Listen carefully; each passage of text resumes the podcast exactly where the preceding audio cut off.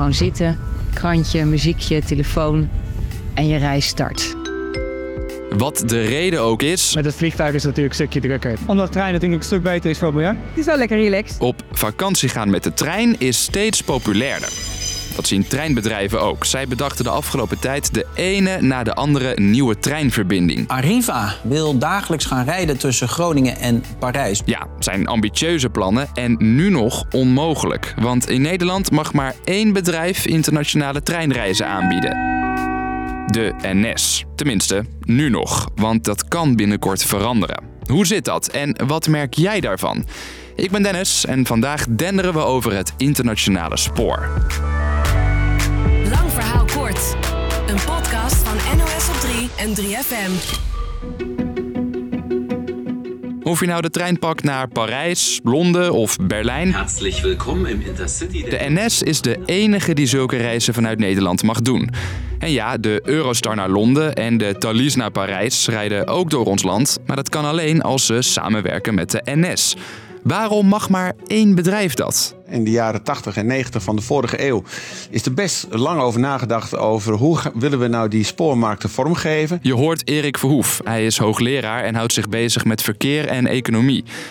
De uitkomst van dat lange nadenken, als er één bedrijf alle internationale treinreizen regelt, hoeft er ook maar één bedrijf de planning te fixen. Want dan ja, kan zo'n netwerk efficiënt worden ingericht, zodat er goede overstapmogelijkheden zijn en dat je veel plaatsen kunt bereiken zonder dat je nieuwe kaartjes voor nieuwe aanbieders hoeft te ha- eh, eh, kopen. De Nederlandse overheid sloot daarom de afgelopen jaren deals met alleen de NS over welke treinen waarheen rijden. Sindsdien is dat inderdaad wel op deze manier eh, blijven gaan. En ja, nu staat toch een beetje onder druk. eh, ook eh, eh, omdat we vanwege Europa hier toch weer opnieuw naar moeten kijken. De Europese Unie komt namelijk met nieuwe regels voor het spoor. En het is eigenlijk een, eh, een open vraag nog of de manier waarop we in Nederland omgaan met concurrentie op het spoor, of dat wel helemaal volgens de Europese regels is. Volgens de regels moet de overheid eerst checken hoeveel interesse er vanuit vervoersbedrijven is voordat ze een deal sluiten. Dus heeft staatssecretaris Vivianne Heijnen, om ervoor te zorgen dat de dienstregeling zo betrouwbaar mogelijk is. die over het OV gaat, gevraagd wie heeft er interesse. En ja, nu de buitenlandse trein steeds populairder wordt, Krantje, muziekje, telefoon. zien bedrijven er ook wel wat in. Arriva bijvoorbeeld. Zij rijden in Nederland alleen nog op regionale trajecten. Het volgende station is Maastricht. Maar het bedrijf heeft grote plannen. Arriva wil dagelijks gaan rijden tussen Groningen en Parijs. En ook Qbus heeft zich gemeld voor treinen naar Berlijn en Parijs. En Flixtrain wil graag over het spoor sjezen van Rotterdam naar...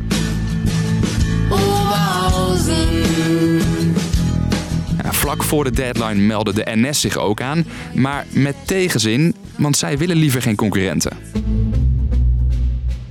Het zou dus kunnen dat er het een en ander gaat veranderen. Dat is niet direct, want deze inschrijfronde is voor 2025.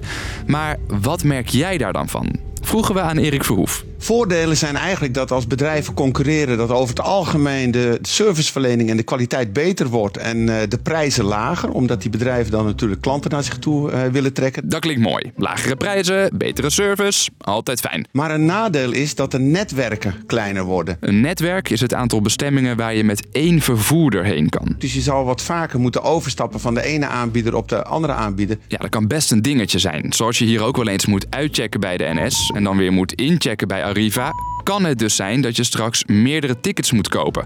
Of dat de treintijden niet lekker op elkaar zijn afgesteld voor een sneller overstap.